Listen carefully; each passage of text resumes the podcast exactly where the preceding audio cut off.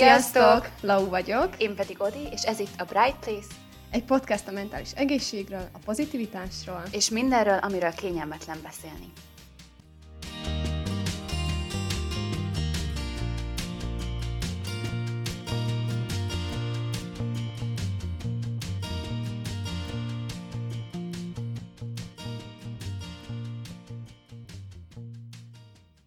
Ez a 11. epizódunk.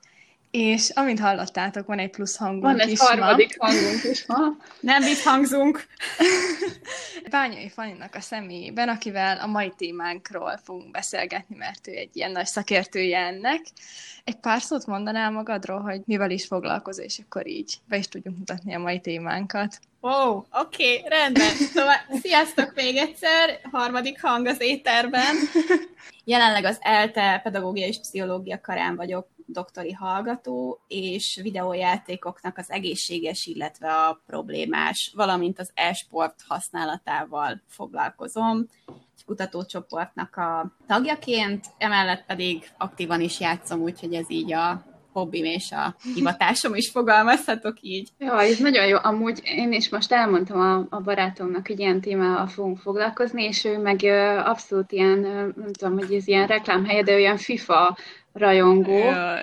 és, és, már, és már alig várom, hogy el, el tudjam neki mondani, hogy miről van szó, meg hogyan, hogyan is történik mindez, szóval már garantálta az érdeklődés. Hú, hát nekem az én barátom most a már nem is tudom, melyik ilyen lövöldözős játéknak jött ki egy ilyen fejlesztett, nem tudom mi ez a Warzone, és most arra van nagyon rákattam, tegnap is hajnali ötig játszott vele, úgyhogy már az addikció résznél hát, ha Így van, ez lehet, hogy még visszaköszön nálunk.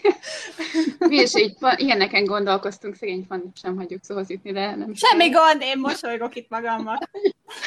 Ilyeneken gondolkodtunk, és majd szerintem így most így rávilágíthatsz erre, hogy ilyen van tényleg, hogy vannak ezek a, ezek a hétvégi bajnokságok, hogy 25 meccset kell játszania, és akkor kap egy kártyát érte, vagy egy csomagot, vagy nem tudom, bocsánat, aki ismeri ezt, és nem teljesen. És hogy, hogy, hogy ezen gondolkodtuk már, hogy azt vette észre, hogy még az első öt játék az mindig könnyebb, utána a második öt az mindig nehezebb egy kicsit, és akkor a, a utolsó meg így ilyen fluktuál, hogy vagy, vagy ilyen brutálisan nehéz, és akkor már, már ilyeneken gondolkodunk, hogy ennek van-e valami szabálya, hogy, hogy ezt valahogy beállítják-e a játék cégek. Egyébként a játékelméletből kifolyólag akár simán lehetne az is benne, hogy így először ugye elhitetik veled azt, hogy mennyire könnyű a játék, és akkor rácsuppansz, már bocsánat a nem túl szakkifejezésért, de hogy így rácsúszik az ember, és akkor fú, de jól megy, fú, de jól megy, aztán neki megy a falnak, és így hú, hát ez nagyon Én. nehéz, de hogy ugye akkor már így annyira beleélte magát, hogy kevésbé teszi le az ember, hogy hát ez nem megy nekem. Főleg akkor, hogyha valamilyen olyan díjat, vagy olyan talmat társítanak hozzá, ami egyébként az adott játékos közösségen belül mondjuk egy nagyon jó státuszértékkel rendelkezik. Igen. Például egy kártya, hogy bontátok, vagy egy Cségó skin az egyik lövöldözős játékban, amit akár valós millió dollárokért is el lehet adni. Wow. Oh, wow. Igen, én, ezt, én amúgy most hallottam, én esküszöm, hogy ilyen nagyon naív voltam ilyen szempontból, hogy, hogy ezekben tényleg mekkora pénz is van ezekben a játékokban, és hogy most ez tényleg lehet nagyon naivan fog hangzani, bocsánat, hallgatok, de hogy Semmi ezt nem tudtam, hogy, hogy, e, hogy ezt pénzért is csinálják emberek, mert hogy, hogy ez így élt a fejembe, hogy tudnak vagy például ilyen pókerezni szoktak emberek pénzért, nem tudom, de hogy ilyen játékokat is, és hogy ez nagyon durva, hogy, hogy tényleg mekkora hm. biznisz áll emögött. Igen, ugyanúgy vannak sportfogadások is már, külön ilyen sportfogadó oldalak is, ahol e-sportversenyekre, versenyzőkre, csapatokra lehet fogadni. Oh. Tehát, hogy ez, ez most már egy akkora nagy téma, amiről beszélhetünk, akár a versenyszerű videójátékok, a.k.a. e-sport, hogy simán, tehát ugyanúgy megvannak a szakkommentátorai, ugyanúgy megvannak a közvetítések, ugyanúgy megvannak a különböző szintű bajnokságok, a házitól egészen a nemzetközi világbajnokságokig, ugyanúgy vannak pénzdíjazások, ugyanúgy wow. vannak profi csapatok, szponzorok, akár a Coca-Cola, akár az Adidas, akár a T-Mobile, tehát, hogy így, amit el tudtok képzelni, vagy amit ismerünk, mint mondjuk egy hagyományos sportág esetében, ahhoz hasonló szervezett felépítése már van, vagy kezd egyre jobban kialakulni az e-sportnak is.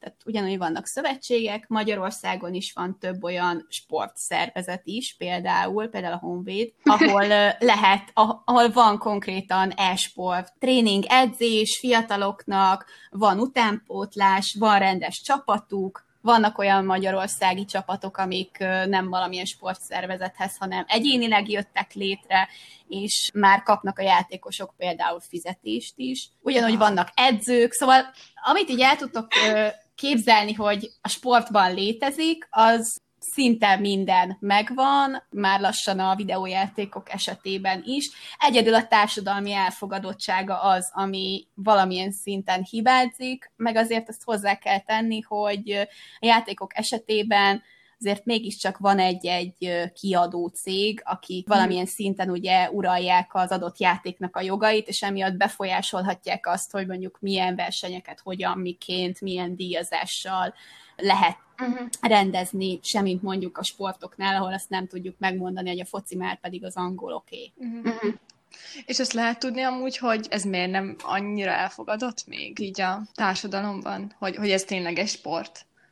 Hát alapvetően az, hogyha videójátékokkal játszik az ember, így a mai napig nem minden esetben az egyik legjobb hobbi tevékenység, amit az ember űzhet, ezt mondjuk én úgy mondom, hogy a saját buborékomon belül, az én közösségemben ez teljesen elfogadott, de uh-huh. amikor kilépek ebből a buborékból, és egy számomra mondjuk még teljesen ismeretlen embernek azt mondom, hogy én 29 évesen mindig videójátékokkal játszom, akkor felszalad néha a szemöldök, hogy hát ez nem gyerekeknek való.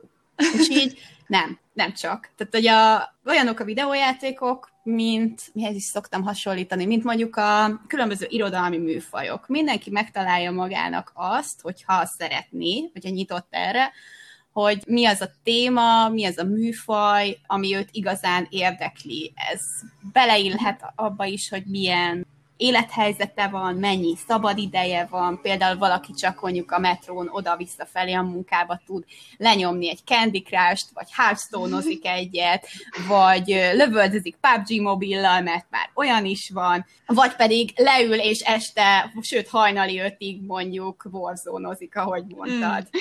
Ja. És, de, és igazából ez is lett volna így a, így a legelső kérdésünk, hogy vajon miért is szeretjük a, a, ezeket a a játékokat, illetve magát a virtuális valóságot, hogyha ezt így át tudjuk majd vezetni uh-huh. erre, de akkor valószínűleg ez is, ez is nagy része, hogy, hogy effektíven mindenkire alkalmazható, vagy mindenki meg tudja találni azt, ami számára megfelelő. Uh, igen, tehát az, hogy milyen játékokkal szeretnél játszani, persze ehhez nagyon jó az, hogyha én is annak idején kvázi teljesen laikusként léptem be ebbe a közösségbe, a párom volt nagy gamer kettőnk között, és én úgy gondoltam, hogy szeretném megérteni, hogy miért ez a hobbija. Előtte is volt már egy-két játék, amivel játszottam, de akkor még kislány voltam, és a barátnőmmel fifáztunk úgy, hogy megosztottuk egymás között a billentyűt, ő rugott, én meg irányítottam a karaktereket. Rend, ennél jobb együttműködés szerintem sose volt. Ez csak felajánlom, én is otthon lesz. Nem lesz annyira kitörő a... Javaslom. Egyébként baromira, baromira szórakoztató tud lenni, hogy a játékos társad megpróbálja fölrugni az ellenfél kapusát, te meg próbálsz elmenekülni ugyanazzal a karakterrel, nem, nem szabad, mert akkor kiállítanak minket. Szóval igen, tehát nagyon, nagyon sok téma van, és visszatérve erre a társadalmi kérdésre, nem csak alapvetően szórakozásra lehet használni a játékokat, mert például ugye a versenyzésre is, tehát sokaknak ez nem csak hobbi, hanem munka, hivatás, amiből akár versenyzőként meg tudnak élni, vagy akár streamerként meg tudnak élni, mint tartalomgyártó vagy ez alapján indulnak el mondjuk az IT terület felé, és válnak ők is játékfejlesztővé, meg vannak olyan fura bogarak, akik mondjuk pszichológia oldaláról akarják ezt kutatni, igen, most jelentkezek. De hogy sokkal erősebb témákra is fel lehet használni a játékokat. Például vannak olyanok, amik olyan pszichológiai kérdéseket, témákat dolgoznak fel, amiket pont azért, mivel egy játék interaktív, ezért ténylegesen te vagy úgymond a az aktív cselekvője az eseményeknek, az aktív átélője az eseményeknek, és nem egy olyan játék van, ami mondjuk depresszióval, szorongással, a gyász valamilyen mentális betegségnek a bemutatásával foglalkozik. Tehát nagyon sok mindenre lehet használni a játékokat. Most a minap jelent meg egy cikk például arról, hogy az első hát kvázi gyógyszerként felérhető videójátékot is megéltük, ADHD wow. és kisgyerekek számára wow. 8-12 éveseknek ajánlják, amit tényleg orvos felírhat, hogy ez segít a figyelemzavarnak a kezelésében, hogyha rendszeresen, tréningszerűen játszik az ember egy mobil játékkal, ami egyébként tök szórakoztató, meg cuki. Ez amúgy tényleg nagyon, nagyon érdekes. Én hétvégén néztem egy ilyen TED talkot, hát ami így igazából játékokról, meg ilyen virtuális uh-huh. valóságról szólt, és pont volt egy ilyen, hát kísérlet benne, hogy, hát ez nagyon fura kísérlet volt, de mondjuk magát a, a lényegi részt, hogyha nézzük, itt az volt, hogy ugye, a, ha felvette a szemüveget, akkor akkor bele tudott lépni úgymond a terapeuta a testében, tudott reflektálni arra, amit ő mondott, mondjuk elmondott egy bizonyos problémát, uh-huh. és mindegy, mondjuk konkrétan átlép egy másik ember bőrébe, és, és igazából hát egy másik nézőpontot átvéve, ez sokkal hatékonyabb volt arra, hogy mondjuk ilyen öngyógyító, ilyen terápiás etapokat tartsanak egymáson. És, és szerintem ez, ez tök érdekes kérdés ez is, hogy, hogy, hogy mekkora rész, vagy mennyire fontos ebben az, hogy, hogy ténylegesen át tudunk lépni egy másik ember, vagy egy másik karakter személyébe. Hát így a virtuális valósággal kapcsolatban én szívesen ajánlom Nikki Stanfordi kutatónak a kb. bármiét. Őt fizikai valójában is, de hogy így, így a tudományos tevékenységét elsősorban. Nagyon érdemes tőle is meghallgatni különböző előadásokat online, ezek elérhetőek, illetve van egy oldaluk, amit egy kutatótársával hoztak létre, létre ez Quantic Foundry nevet viseli, és itt lényegében egy több százezres videójátékos adatbázist sikerült fölvenniük, egy kérdőívet, ami alapján, hogyha te kitöltöd ezt a kérdéssort, akkor kapsz egy profilt magadról, hogy milyen típusú játékokat ajánlanak neked, függetlenül attól, hogy te mondjuk már gyakorlott játékos vagy, vagy éppen most kezdenél el játszani, vagy érdekel ez a terület, és bele, belelestél. és ő például virtuális valósággal kapcsolatban is kutatott már többször, tehát hogyha nem csak a videójátékoknak a virtuális valóságait nézzük. Például az egy érdekes gondolata szerintem, hogy persze egyrészt beleélhetjük magunkat, meg más szerepbe belebújhatunk, meg más személyt is, személyiséget is fölvehetünk az alapján, hogyha egy virtuális térben vagyunk, és itt most nem kell erre a high-techre gondolni, hogy fölveszem a szemüveget, és nem tudom, polcsétára indulok, akár a Facebookot is gondolhatjuk egy virtuális közegnek akár, vagy bármilyen olyan social media felületet, ahol mondjuk még a saját nevünket se kell elsősorban uh-huh. megadni. Mondjuk a Twitter vagy az Instagram is például egy ilyen uh-huh. lehet. És sokan azt gondoljuk, hogy ezek a virtuális terek, ezek mindentől függetlenek, tehát olyanok tényleg, mint hogyha ilyen buborékok lennének a levegőben, de hogy valójában amikor belépünk egy ilyen térbe, ilyen környezetbe, akkor is visszük azért magunkkal azokat a megtanult sémáinkat, azokat a normákat, azokat a sztereotípiákat, attitűdöket, nézeteket bármiről, bárkiről, uh-huh. amik a valóságban is hatnak ránk, és ezért például előfordul az is, hogy ugye úgy viselkednek az emberek egy ilyen virtuális közegben, amiről azt gondolnánk, hogy hát alapvetően szemtől szembe nem valószínű, hogy olyan nyersen fogalmazna, olyan megfogalmazással élne, vagy mm. olyan stereotípiákat hangoztatna, de mivel ez egy ilyen eltávolított, tehát mint hogyha egy lépéssel távolabb lennénk a valóságtól, uh-huh. virtuálisan valóságban, igen. Pont ezért, illetve az, hogyha mondjuk anonimitás is van az adott felületen, ez ezt a gátat úgymond így átlépi. És ennek köszönhetően tényleg akár sokkal nyersebben is tudnak fogalmazni emberek ilyen témában, de pozitív oldal pedig az, hogy ebben a pont azért, mert ezt egy ilyen, a virtuális közeget egy sokkal biztonságosabb közegnek érezhetik sokan, könnyebben meg is tudnak nyílni, könnyebben ki mhm. tudják fejezni magukat. Például vannak ilyen Facebook kutatások, amik arról szólnak, hogy például az introvertáltabb, visszahúzódóbb, amúgy szociális készségeikben kevésbé erős emberek sokkal könnyebben, sokkal jobban tudják kifejezni magukat online. Ez lehet akár egy játék is, pusztán csak azért, mert lehetőség van arra, hogy egy biztonságos közegben kb. próbálják magukat. És a játékok esetében meg például a legtöbb helyzetben, hogyha mondjuk veszít valaki, vagy nem úgy csinál meg egy feladatot a játékban, akkor mindig megvan az újrapróbálkozás lehetősége. Tehát annyiszor mhm. próbálod meg, ahányszor csak tudod, jobb esetben, és egyszer úgyis győzedelmeskedni fogsz. Én ezzel kapcsolatban amúgy a sims olvastam egy cikket egy pár napja, hogy, hogy nagyon sokan azért szeretik a Sims-et, mert hogy ugye ott megcsinálhatod kvázi saját magadat is, hogyha Igen. akarod, és ugye ott olyan, mintha a saját életedet irányítanád, és Szóval itt is megvan ez az újra kezdésnek, meg újra próbálásnak a lehetősége, hogyha nem tudom, most egy másik szimszel nem sikerült összejönnöd, akkor érted, nem tudom, beírsz valami cheat vagy valami, és akkor... a valóságban is be lehetne írni cheat.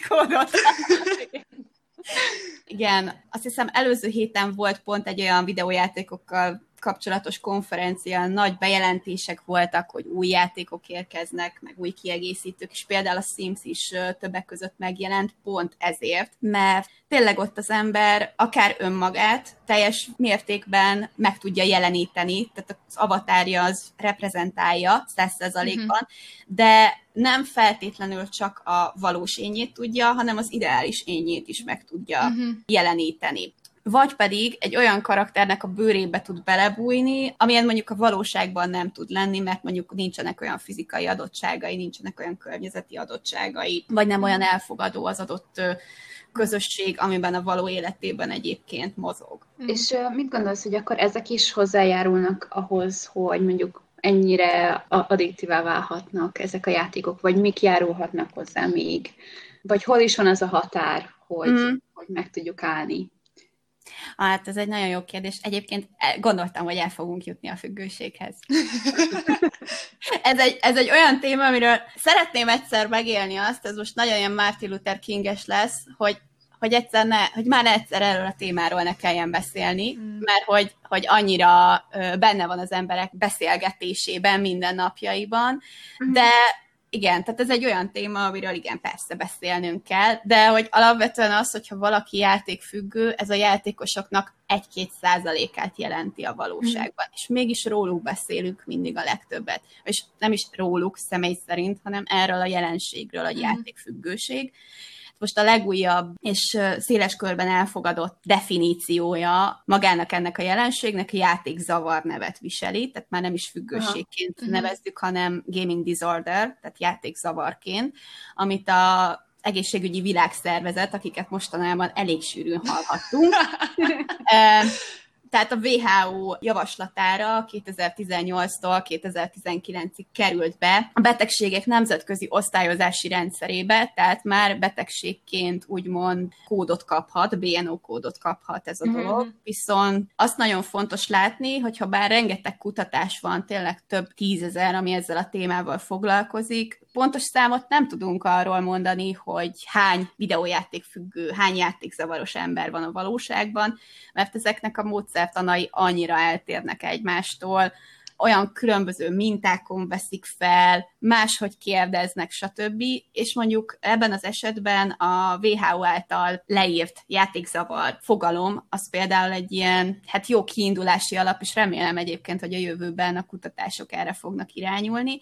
De hogy mit is jelent? Tehát, hogy alapvetően azt a szemét nevezik, vagy szűrik ki játékzavarral, aki az elmúlt egy évben, 12 hónapban folyamatosan, vagy periódikusan elveszette a kontrollt a játék felett, ezen kívül problémát okoz neki a való életében, elhanyagolja más fontos tevékenységeit, vagy hobbi tevékenységeit, és mindennek tudatában van az illető, tehát ő maga is érzi azt, hogy a játék használata az már nem egy pozitív dolog, hanem negatívan hat az életére, de hogy ennek ellenére nem tudja ezt a folyamatot kontrollálni, és hogy a funkcionalitása sérül. Tehát lényegében az a legfontosabb mondása a WHO-nak a játékzavarra, hogy abban az esetben beszélhetünk játék játékzavarról, úgyhogy ezt diagnosztizálták nála, tehát tényleg klinikus szakvélemény támasztja alá, illetve megfigyelés akinek az életének más területén a funkcionalitása sérül. És ezek az emberek nagyon kis százalékát jelentik a játékosoknak. Ettől függetlenül amúgy ők még élvezik a játékot, mint hogy a való életben nem funkcionálnak már olyan jól, de hogy ettől függetlenül még tud nekik örömet okozni. Szóval hogy ezért maradnak benne ebbe a térbe. Hát a játékzavart alapvetően viselkedési addikcióként szoktuk kezelni, tehát uh-huh. egy olyan tevékenység, ami alapvetően egyáltalán nem problémás, az válik uralkodóvá.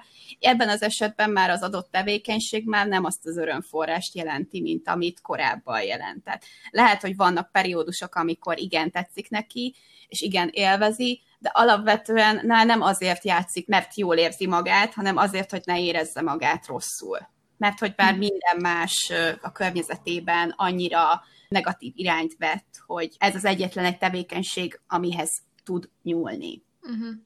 De az, hogy egyébként önmagában a játékok nem tesznek függővé, önmagában a játékok és a bennük levő különböző mechanizmusok, azok mind az elköteleződés segítik a játék uh-huh. mellett, de az, hogy egy játéktól válna valaki függővé, az így ebben a formában nem igaz. Nagyon sok környezeti, nagyon sok személyes tényező, nagyon sok szociális, családi tényező az, ami befolyásolja azt, hogy valakinél pont a játék, a videójáték használat lesz az, ami, amiből zavar keletkezik. Ilyen lehet például az, hogy depresszióra, szorongásra hajlamos, hogy mennyire éli meg a való életbeli stresszt, milyen problémákat mm. kell kezelnie, milyen a családi viszonya, milyen a munkája, milyen az iskolája, ott milyen uh, sikerélményeket vagy kudarcélményeket kell, hogy megéljen, és ezekkel hogyan tud megküzdeni. Számos ilyen személyes, illetve szociális tényező van, amik mind-mind befolyásolhatják. Ezért például nagyon sok esetben arról is szó van, hogy kérdés, hogy önmagában van-e olyan, hogy játékzavar, slash mhm. játékfüggőség, hanem lehet, hogy ez valamilyen másik problémának, mondjuk másik mentális problémának uh-huh. a folyománya, a következménye, Igen. Nem pedig, nem pedig önmagában áll. Uh-huh. Ez amúgy egy, egy tényleg nagyon érdekes és nagyon fontos terület, meg nagyon fontos kihangsúlyozni is szerintem, és ahogy, ahogy mondtad, hogy magában a játékok nem rosszak, vagy nem, nem tehát hogy nem tesznek függő, és hogy, hogy ez tényleg akár így, meg szerintem a, a változó világban azért egyre tovább növekszik a játékhasználók száma, és, és hogy ez nem feltétlenül rossz. Igen. Tehát az is például, amit az imént mondtam, hogy ADHD kezelésére használják különböző fóbiáknak a kezelésére is használják például a VR, tehát virtuális valóság uh-huh. szimulációkat, vagy játékokat. Pár évvel ezelőtt volt a T-Mobilnak, és most őket már másodjára említem, de nem, semmi, semmi szponzorom nincsen. Esküszöm, bár nyugodtan lehet, tehát hogy nem, tehát, nem, nem szponzoraim, de az ő hát árbócuk alatt egy demenciával, korai demencia kiszűréssel foglalkozó nemzetközi kutatócsapat is készített egy mobilra, illetve tableten, tableten lehetett, tehát így mobil eszközökre uh-huh. készült egy játék, amivel az időskori demenciának a kiszűrését próbálták olyan módon előre lendíteni a kutatás során, hogy ezt az alkalmazást bárki letölthette, ha jól tudom, a mai napig egyébként elérhető, több száz ezren játszottak ezzel a játékkal. Egy nagyon egyszerű dolog volt, igazából a rövid távú memóriát, munkamemóriát Ujjaj. vette igénybe. Egy tengeri pályán kellett végig menni egy hajóval, néha megjelent egy nagyon aranyos polip, és őt kellett kikerülni, és ezt emlékezetből meg kellett ismételni ezt az útvonalat, és pusztán csak az, hogy ennyit játszottak különböző életkorú emberek ezzel a játékkal, ezt, ha jól tudom, ilyen száz évre előre lendítette ennek a területnek a kutatását, mert hogy annyira kevés adat wow. volt azzal kapcsolatban, ami a korai demenciátnak a kiszűrésével foglalkozik, és segíti azt. Tehát, hogy azt se lehet mondani, hogy csak gyerekeknek, vagy csak fiataloknak való uh-huh. a játék, időseknek is ugyanúgy, van egy csomó rendkívül cuki idős hölgy és úr, ilyen mm. nagymamánk, nagypapánk korabeli, akik rendszeresen játszanak úgy online, hogy közvetítik, ahogy játszanak, és hatalmas bázisuk van, zseniálisak, zseniálisak. Ha jól tudom, akkor van egy svéd vagy norvég csapat, akik ilyen, hát Silver Snipers a nevük, ebből jól gondolhatjátok, hogy igen, ezüst korban vannak, és ők rendesen kaptak edzőt maguk mellé, és elindultak versenyen, rettenetesen cukik. És pont ezért tehát ez egy tök inkluzív dolog. Tehát igen, lehet idősen is játszani. Sőt, kifejezetten jó egyébként a különböző kognitív mhm. képességeknek. A pont, pont ezt akartam kérdezni, hogy így mondtad, hogy előrevetíteni már biztosan képes, viszont van erre mondjuk kísérleti eredmény, vagy látsz erre lehetőséget, hogy esetleg tréningelni fog, vagy képes lesz mondjuk az agyat, vagy új kapcsolatokat építeni mondjuk akár egy ilyen demenciára hajlamos, genetikailag hajlamos embernél, vagy akár Alzheimer gyógyításban, ez, ez lehet-e, hogy van ebben potenciál? Hát abból kiindulva, hogy ez az ADHD-s gyerekeknek szóló játék, ez 6-8 éve alatt készült el, pontosan azért, hogy tényleg azt a célt szolgálja, hogy a figyelemzavar lehessen vele kvázi segíteni a gyógyulást belőle, vagy hát a kordában tartását. Ebből kifolyólag biztos vagyok benne, hogy már most is zajlanak olyan kutatások, és olyan közös projektjátékfejlesztőkkel, és mondjuk agykutatókkal, demenciakutatókkal, ami mm. erre a témára irányul. Én most pontosan nem tudok ezen kívül a hajóson kívül ilyen mm. mondani. De azt tudom, hogy ebből a kutatásból, meg ebből a kampányból születtek publikációk, ezeknek érdemes utána is olvasni. De Tehát, hogy tényleg, tényleg felhasználták, és tényleg segített abban. Most a Covid kapcsán is felmerült a neve ennek a játéknak, a Folditnak hívják, ami igazából egy olyan, hát félig játék, félig csak simán egy szoftver, amiben bárki részt vehet, egy mhm. online felület, és igazából fehérje enzimeket lehet benne modellezni rendkívül vicces módon, aminek köszönhetően például volt már azt hiszem az AIDS-szel kapcsolatban egy kutatás, amiben játékosoknak a segítségét kérték, hogy hogyan lehetne modellezni ezt a betegséget és ebből kifolyólag születtek ott is olyan eredmények, ami segített a kutatóknak abban, hogy tudják modellezni magát a folyamatot. Úgyhogy Jó. igen, tehát hogy ilyesmire is fél, például föl lehet használni a játékokat. De... Ez jó, amúgy, bocsánat, hogy olyan szempontból, hogy most ezt, ezt így megragadnám, ezt a részt, hogy, hogy ez tök jó, hogy ilyen szempontból a kutatók, vagy a kutatási szféra az úgy tűnik, hogy nyitott akkor egy ilyen nyitásra a, az emberek felé, hogy hajlandóak elfogadni mondjuk híválók segítségét, véleményét. A... Szóval, hogy ez egy ilyen nagyon ilyen dinamikus folyamatnak tűnik nekem, és hogy ez, ez szerintem tök jó. Igen, meg egyébként a másik oldalról is vannak ilyen ö, együttműködések, tehát amikor egy játékfejlesztő cég az, aki kezdeményez segítő szakmák felé. Például a Hellblade nevű játékban a főszereplőnek a, ő egy, hát kelt harcos nő, akinek a, hát úgymond a, hát nem is tudom, élet, életéből egy szegletet tudunk végigjárni, egy rendkívül sötét korban, kiírtják a népét, és ennek köszönhetően, a traumának köszönhetően olyan mentális problémái lesznek, amik erősen hajaznak egyébként a skizofréniának bizonyos tüneteire különböző hallási, illetve látási halucinációi mhm. vannak, olyan dolgokat lát, amik nincsenek ott, és annak érdekében, hogy a főhősnek ezt a mentális betegségét kellően élően és kellően realisztikusan tudják ábrázolni, ennek köszönhetően a játékfejlesztő csapat felkért pszichiátereket, szociális gondozókat, akik mm. ilyen páciensekkel foglalkoznak a való életben, és velük együtt közösen dolgozva alakították ki, úgymond ennek a főszereplőnek, ennek a karakternek a mentális profilját, hogy hogyan is nézzen ki a betegsége. És ez olyan szinten megjelenik a játékban, hogy például ezek a halucinált hangok azok, amik jelzik neked azt, hogyha veszélyben vagy, vagy éppen félrevisznek teljesen. Wow. Ez uh, nagyon jó, nagyon tetszik. Nagyon félelmetes egyébként, ezt azért hozzátenném, de hogy ez is például fölhívta arra a figyelmet, hogy igen, van ilyen mentális probléma. Így van, igen. Meg, meg hogy ilyen szempontból az is jó valahol, nekem azt jutott eszembe, hogy, hogy ezek a főhős karaktereknek magát a személyiségén is elkezdtünk dolgozni, és hogy nem csak az a személyiség típus van, ami általában szokott lenni, hanem mindenféle hős meg, hős meg tudnak jeleníteni vagy akár a problémáit, akár ilyen mentális problémákat, amik kell utána igen. tud valamit kezdeni, Igen. és hogy ez nagyon hasznos lehet. Igen, úgyhogy vannak ilyen, vannak ilyen nagyon, nagyon-nagyon érdekes dolgok. Vannak ennél hát lájtosabbak is. Például nagyon ajánlom mindenkinek, aki még nem játszott életében, vagy picit játszott, a Life is Strange című játéksorozatot. Ez egy, hát lényegében olyannak kell elképzelni, mint hogyha egy sorozatot néznél, amiben néha neked kell aktívan tevékenykedned.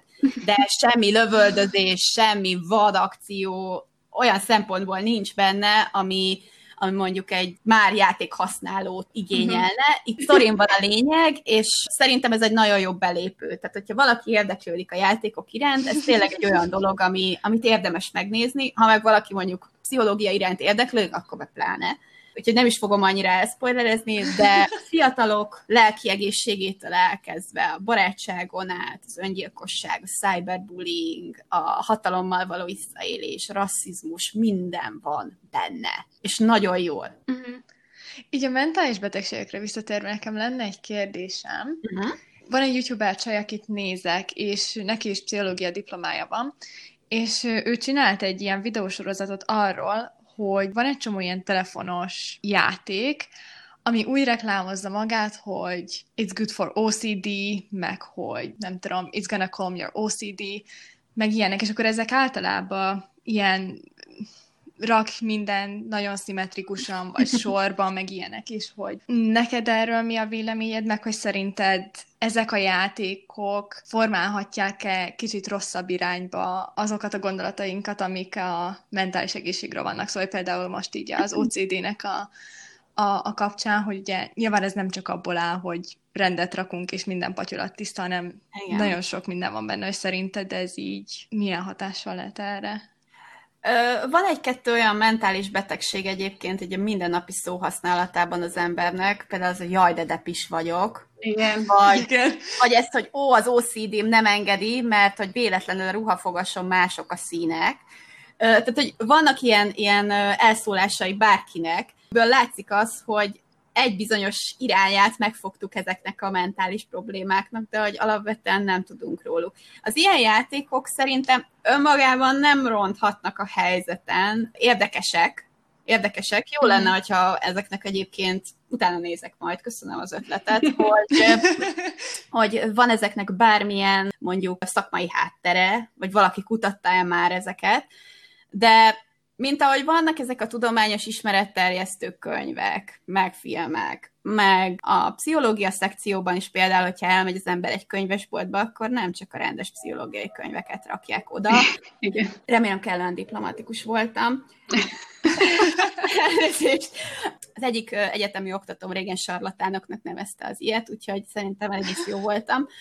Szóval egy ilyen játék alapvetően nem okozhat problémát, max egy fals elképzelést erősít amúgy is társadalomban, akik alapvetően mondjuk nem, tehát a laikusokban, akik alapvetően nem értenek ez a témához, hogy ja, hát ebből áll az OCD, hogy muszáj mindent élére állítanod.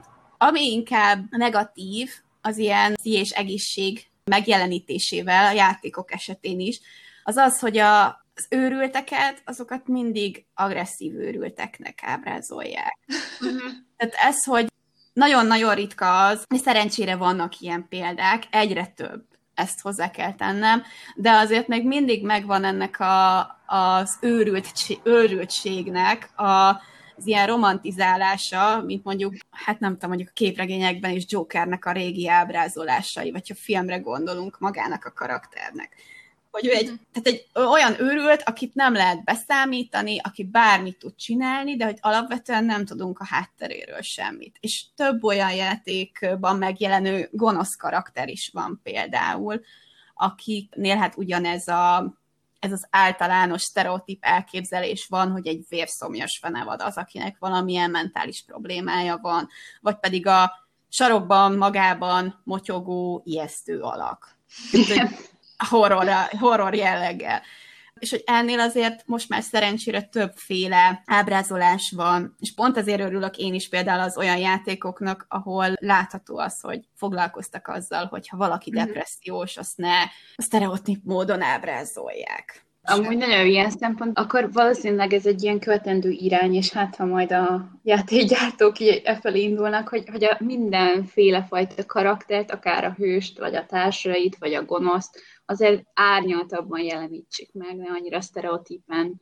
Persze. És, és, ez szerintem tök jó, meg, ezt, meg ilyen befogadhat. Nyilván vagy nem szabad túlterhelni a játszót, vagy én vagy uh-huh. ezt a részét látom, de hogy szerintem azért így el tudnánk még viselni egy kis, egy kis árnyaltságot a karakterekben, meg lehet, hogy érdekesebb is lesz, jobban hozzászoknánk.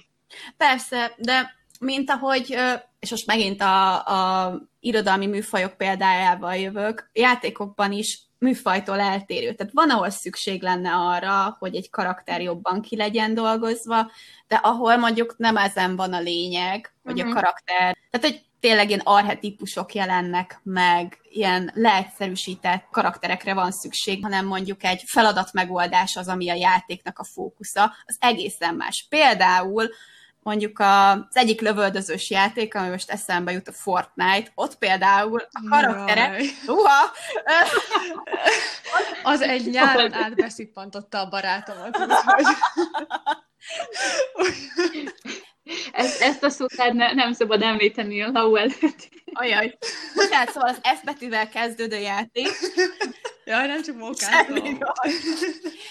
Szóval abban a játékban is például most maga a karakter, akit irányítok, annyira nem fontos számomra, hogy ő hogy érzi magát, mint érzi magát, hogy ő ki, mi, ki az anyukája, mi a foglalkozása. Nem, arra, nem arról van szó a játékban, ott arról van szó, hogy te maradjál életben Igen. a Most lehet, hogy most elgondolkodtam, hogy így lehet, hogy tényleg jobb, hogy elmennél egy ilyen küldetésre, és akkor közben szólna a karakteret, hogy figyelj, én most egy kicsit szomorú vagyok, mert tegnap összevetettem a barátommal, várjuk már egy kicsit. Igen, összeszedem magam, most nem megy jól a lövés, igen. Amúgy ezt tetszik, ez ilyen életszerűbbé tenni a dolgokat egy kicsit. Igen, egyébként, egyébként tökre megnézném. Tehát van egy-kettő ilyen film is például, amit nagyon szeretek, ez a Hercegnő mennyasszonya, amiben folyamatosan végig vannak ilyen kiszólások a nézőnek, illetve a narrátor, aki végig narrálja a, a történetet. Ez a könyvben is ugyanúgy van, mint a filmben. Hasonlót simán elbírnék képzelni a játékban, csak megfordulna a karakter, akit világ életünkben hátát láttuk csak, figyelj, ma nem megy. És akkor megkérdezni, hogy és mit szeretnél tenni? Motiválj egy kicsit, hogy menni fog. Mentsük el, ameddig eljutottunk, aztán gyere vissza később. Ezt nagyon megnézném. Na. Elküldöm a játékgyártóknak ezt az ötletet, hát ha ráugranak. Remélem, remélem valaki. Sőt, vagy lehet, hogy valaki ezt már megcsinálta, csak még nem játszottam végig a világ összes játékát, Igen, Pacsi, megtörtem a sanalat. Teljesen jó volt. Amúgy neked milyen kutatásaid vannak, vagy mesélj egy kicsit arról, hogy, hogy neked mi a szívügyed, mit kell tudni erről. Hú, ennyi időnk van. Hát amennyit szeretnél. Hova? Jó, akkor remélem van nálatok három napi hideg élelem.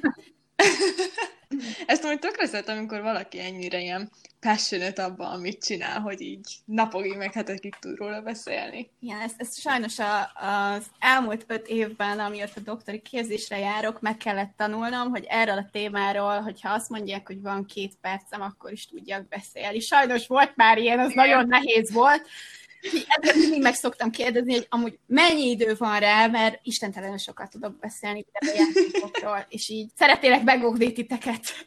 Ne, nyugodtan, mi nagyon szeretjük. Ahogy az elején is mondtam, a kutatási területem az a egészséges problémás videójáték használat és az e-sport.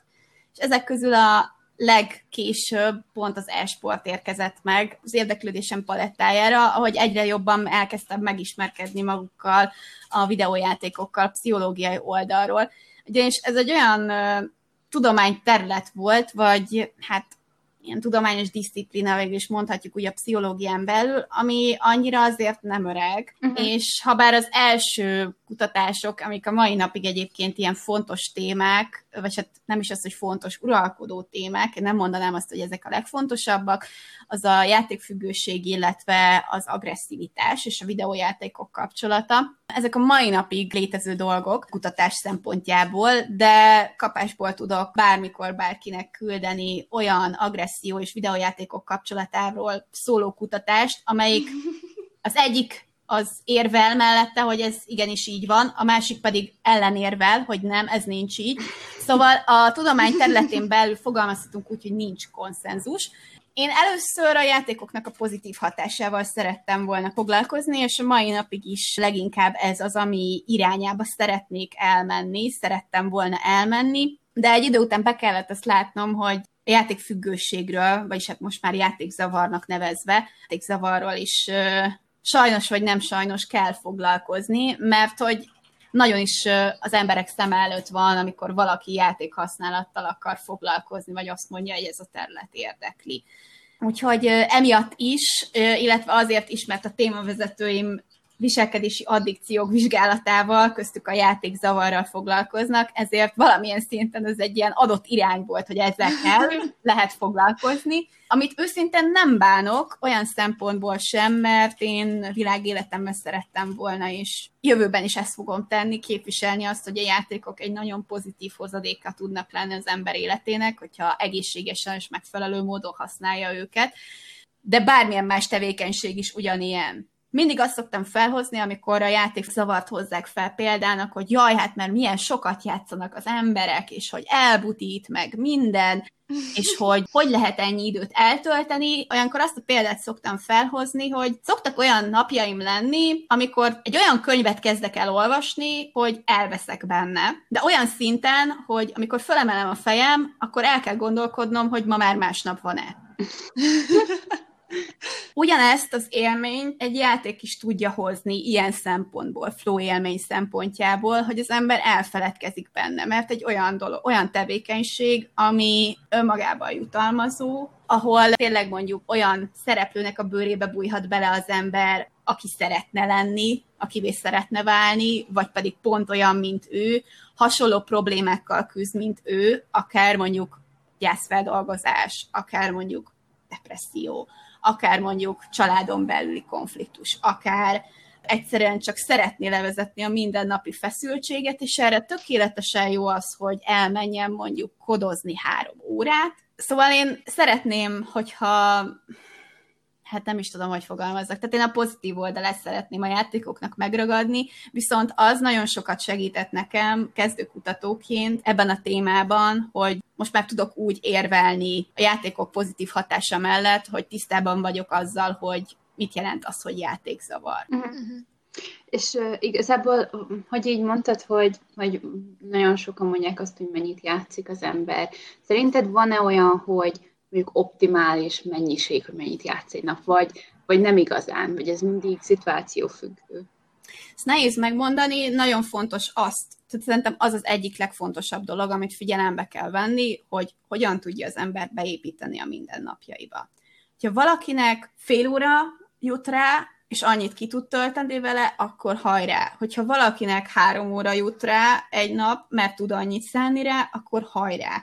Önmagában az, hogyha valaki sokat játszik, és itt most tényleg relatív az, hogy kinek mi a sok, az nem jelenti azt, hogy valaki játékfüggő lenne ez már elég sok kutatás alátámasztotta, tehát önmagában ez így nem, nem helytálló. Természetesen akkor, hogyha valakinek problémás játék használata van, előbb vagy utóbb, pontosan azért, mert elveszti a kontrollt a tevékenység felett. A játék az eluralkodhat az életén, de akkor már nem arról beszélünk, hogy egy órával többet játszott, hanem az, hogy mással már nem akar foglalkozni. Uh-huh. Úgyhogy nem, alapvetően nem mondanám azt, hogy egészségtelen, de mint bármilyen más mondjuk monitor és ülőmunka esetében érdemes felkelni időként mellőle, érdemes más tevékenységeket is űzni, mert azt viszont tudjuk fiziológiailag, hogy mondjuk egész nap a monitort bámulni, az sem munka, se szórakozás szempontjából sem teljesen egészséges. És ez uh-huh. most nem a játék miatt van elsősorban. Például esportolók esetében nekik egy nagyon rutinosan kialakított, meghatározott napirendjük van, hogy mikor mennyit játszanak, hogyan játszanak, és mellette ugyanúgy van fizikai edzésük is, pontosan uh-huh. azért, mert az, hogyha valaki fizikailag is fit, mozog, egyszerűen az segít neki magában a koncentrációban, tehát mentálisan is sokkal jobban fog tudni teljesíteni, pusztán csak azért, mert fizikailag is tudott teljesíteni. És például nekik van rendesen edzésük, a profi csapatok esetében. Sokaknál figyelnek az étkezésükre is, és van olyan, ahol mondjuk pszichológusuk is van, sportpszichológusuk is. És ez volt például egy olyan ö, irány nekem, amiért ezzel a témával is elkezdtem foglalkozni, mert például az esportolóknak úgymond a pszichés kitettségével, a stresszel való megküzdéssel, a teljesítménykényszerrel, az, hogy folyamatosan nyomás alatt vannak, ezek nem túlzottan sokan foglalkoznak, és akkor egy nagyon, nagyon finoman fogalmaztam, tehát így két kezemen meg tudnám számolni mhm. azokat a tanulmányokat, amik erre vonatkoznak. Ezért is kezdtem el ezt a témát kutatni, mert kell, tehát fontos ezzel foglalkozni, főleg azért, mert egyre több fiatal van, akik karrierként tekintenek arra, hogy ők videójátékokkal szeretnének, vagy streamerként, tartalomgyártóként foglalkozni, uh-huh. vagy pedig versenyzőként foglalkozni, mert ez most már egy valid munka, akár Igen úgy gondoljuk, akár nem, sajnos. Igen. Vagy nem sajnos. Pont, pont ez jutott eszembe, hogy így mondtad, hogy ugye van edzőjük is, meg ugye fizikailag is fontos fitten tartani magadat, hogy, hogy ez is amúgy valószínűleg még benne van az ilyen régi sztereotípiákban, hogy maga az, hogy, hogy mondjuk számítógépen játszol, és az, a testedzés az egymást valahol kizárja.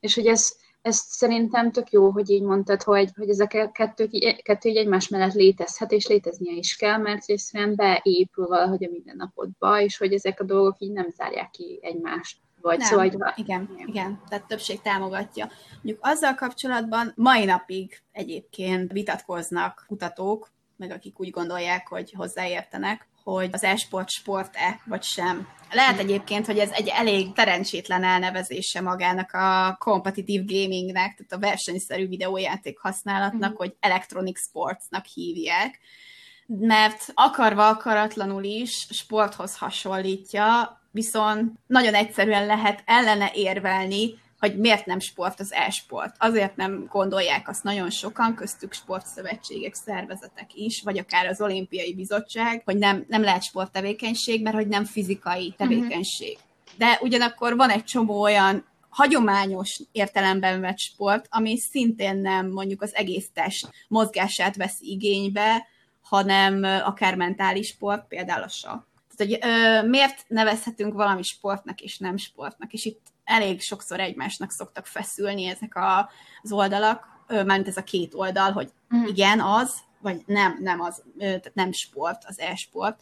De hát a legfrissebb verzió alapján vannak olyan sportszövetségek, amik elfogadják hogy az e-sport sport. Például az Olimpiai Bizottságnak az ázsiai szekciója ők 2022-es ázsiai játékokra, ami azt hiszem, azt hiszem a mostani olimpiának lett volna a hát úgymond a lecsengő ága. Ott például az e-sportot fölvették a medál, tehát az érmés versenyszámok közé ebből kifolyólag vannak ilyen, tehát vannak ilyen nagyon nagy szélsőségek. Ázsiába megyünk, hát ott az esportolókat konkrétan jobban tisztelik, felnéznek rájuk, de egyébként a K-pop rajongókra is gondolok most ebben a pillanatban, tehát ott is az idolokra sokkal nagyobb tisztelettel néznek rá, szintén kultuszszámba mennek, mint mondjuk a hagyományos sportoknak a képviselői. Tehát velük megtöltenek egy stadiont, míg mondjuk egy sima sporteseménye nem feltétlenül. Wow.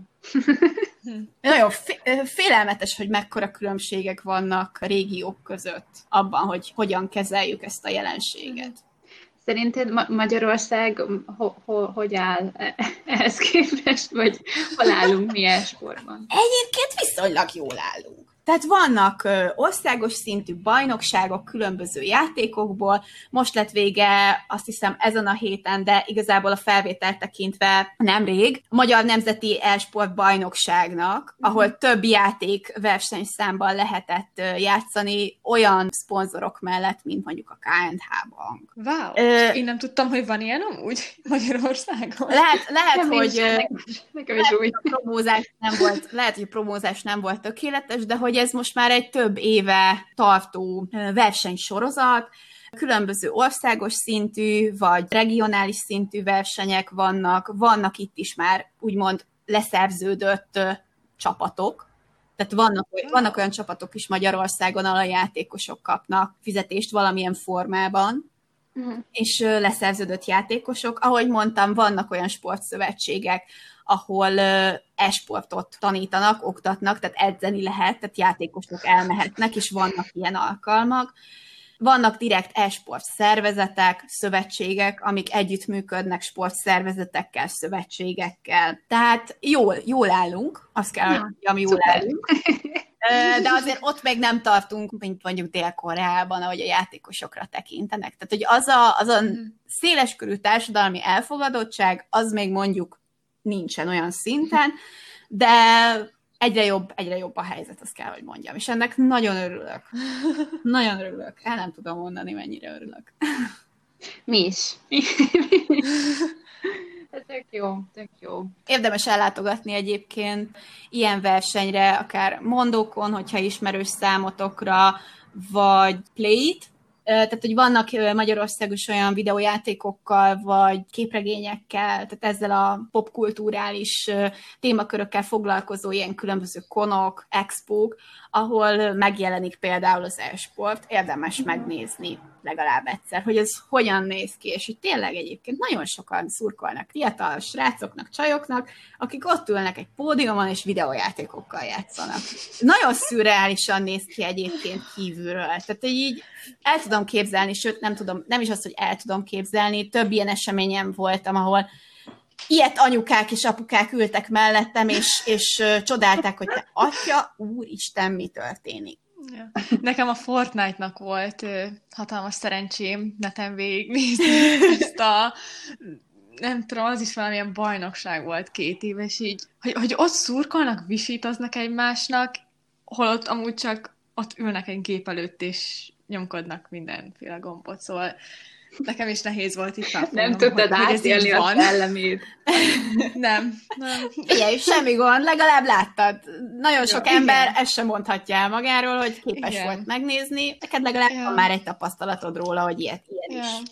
Hát az biztos, hogy érdekes volt.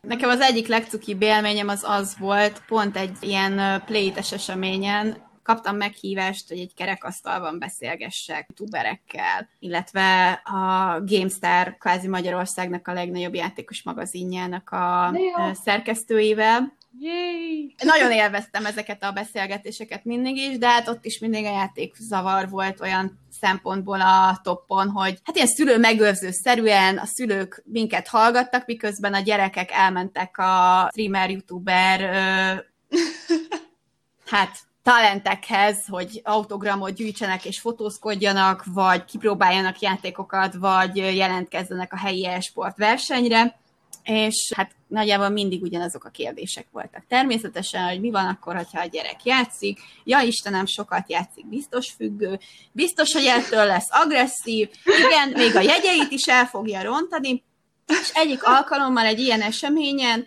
az anyuka rettentően, hát ki volt akadva, vég, végülis mondhatjuk így is, hogy hát az ő csemetéje, egyébként tényleg ilyen 11-2 éves kisrácról beszélhetünk, hát hogy nagyon sokat játszik, és hogy a barátaival nem is találkozik valóságban, hát azért, mert online játszanak közösen, és hogy ő nem érti ezt az egészet, meg teljesen hülyeség, meg hogy időpocsékolás és társai, ezt így végighallgattuk, többen így barátaimmal, akik ebben a témában benne vannak, mint esport szervező, vagy játékos, vagy ebből, a, ebből megélő streamer például, meg én is ott, mint pszichológus, álltunk, hogy hát anyuka azért nem teljesen így van. és uh, volt egy ilyen, hát nem is tudom, ilyen közönségverseny, felhívtak ugye a színpadra jelentkezőket, akik az egyik ottani csapattal, aki tényleg esport csapat volt, megmérkőzhetnek ilyen barátságos mérkőzés formájában, tehát pusztán csak a fán miatt, és beválogatták ezt a kisrácot. Aki, tehát azért mondom, hogy kisrác, mert hogy konkrétan olyan alacsony volt, és olyan cuki ö, aprócska kis, kisrác, hogy így nem látszott ki a monitor mögül, de hogy az asztalt is éppen, hogy fölérte, tehát így, így hoztak neki szerintem plusz párnát a popója alá, hogy így, így tudjon játszani. Rendkívül aranyos volt, és hát lealázott mindenkit. Olyan játékot lenyomott, hogy így öröm volt nézni. És az volt a legnagyobb szerencse az egészben, hogy én ráláttam az anyukára, mert szerintem ott ült talán egy sorral előtte. Tehát lényeg, lényeg végig tudtam nézni az arcát, hogy összekötöttem őket, hogy az ott a gyermeke, az ott az anyuka, és így az első ez a teljes szkepszis, ez a mi ez a hülyeség, és már haza akarok menni, és már legyen vége, és hány óra van, abból az anyuka a meccsek végére az üvöltő, igen, ez az én fiam, már átalakult, az alatt a nagyjából háromnegyed óra alatt, amíg a kisrácéknak a csapata nyert, az övé lett a play of the game, tehát ő volt kvázi a rendszer, tehát maga a játék is általában kiszokta választani azt a Aha. játékost a csapaton belül, aki a legügyesebben teljesített, ez is ő lett, mindenki körülrajongta, ő közben ő ült a széken, úgyhogy kb. senki nem látta, mert olyan apró, és anyuka meg teljesen átment ilyen cheerleader állapotba, hogy ez az én fiam, milyen ügyes, és így ilyet szeretnék még látni. Tehát, hogy ez volt az a pillanat, amire azt mondta, hogy ilyen megéri ezzel a témával foglalkozni. Igen. És nagyon sokszor. Butának néznek ezért, hogy ilyen témával foglalkozom, a pszichológusként videójátékokkal persze, de hogy pont az ilyen pillanatok azok, amik így megerősítenek abban, igen, most ott rájött egy laikus ember, hogy nem csak rossz a játék, hanem a kisfia az élvezte, nagyon sok pozitív visszajelzést is kapott, ami, amit ő utána egy életre visz magával, hogy én jó voltam, és hogy igen, én nagyon, tehát hogy ez egy win-win szituáció volt, azt kell, hogy mondjam. Abszolút, igen. És szerintem amúgy ez egy nagyon szép végszó is. Gondolom, hogy ez így a, a teljes epizódunknak az üzenete is igazából, hogy az üzenetét is megfogalmaztuk ezzel, hogy talán um, nyitottabban kell hozzáállnunk, szerintem minden, minden résztvevő által, akár mondjuk szülő vagy családtag, vagy, vagy akár egy kis időt ráfordítani arra, hogy megértsük, hogy mivel foglalkozik akár a gyerek, vagy miért azzal foglalkozik, és hogy igen, kommunikáljunk. Ezt. Igen, ez nagyon fontos, beszélgessünk egymással, és legyünk nyitottak, ez nagyon fontos, tényleg. Ámen. Hogyha ezzel kapcsolatban szeretnétek elmondani a véleményeteket, illetve hogyha bármilyen segítségre lenne szükségetek, akkor az a bright place podcast kukacgmail.com e-mail címen várjuk az üzeneteiteket, illetve megtaláltok Instagramon is ugyanezen a néven. Köszönjük, hogy velünk tartottatok, és találkozunk a következő epizódban. Sziasztok! Bizony amúgy. Nyolc karú, igen, Poli. ezt lehet, hogy kivágjuk, de ez nagyon vicces, szóval meg kell azt tudom. Teljes adásunk, adásunknak, már meg televízió vagyok. mely, mérő, mely, ne, bocsánat, nem jó. Mélyüljünk el, igen. Honnan, honnan folytassam? Igazából, hogyha elkezdett az Oké. Okay.